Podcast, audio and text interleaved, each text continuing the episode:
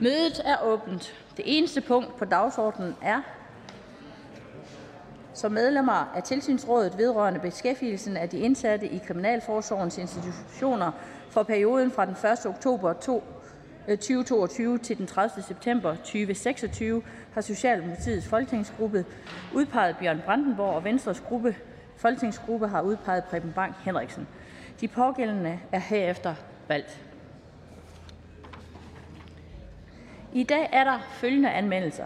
Klima-, energi- og forsyningsministeren Dan Jørgensen lovforslag nummer 212 om en indefrysningsordning for højere energi, energiregning. Jeg vil gerne bede om, at man lige dæmper sig lidt herovre i gemakkerne.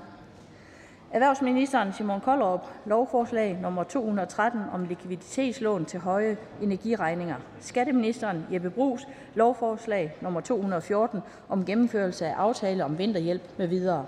Titler på de almindelige sager vil fremgå af Folketings, øh, folketingstidende.dk.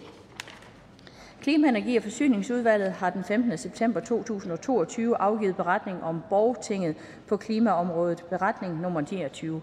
Beretningen vil fremgå af folketingstidende.dk.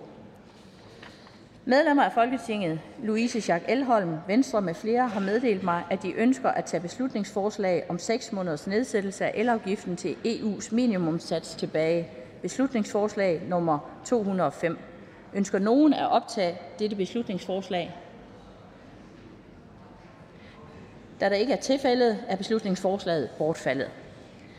Og så er der ikke mere at foretage i dette møde. Næste møde afholdes i dag kl. 10.15.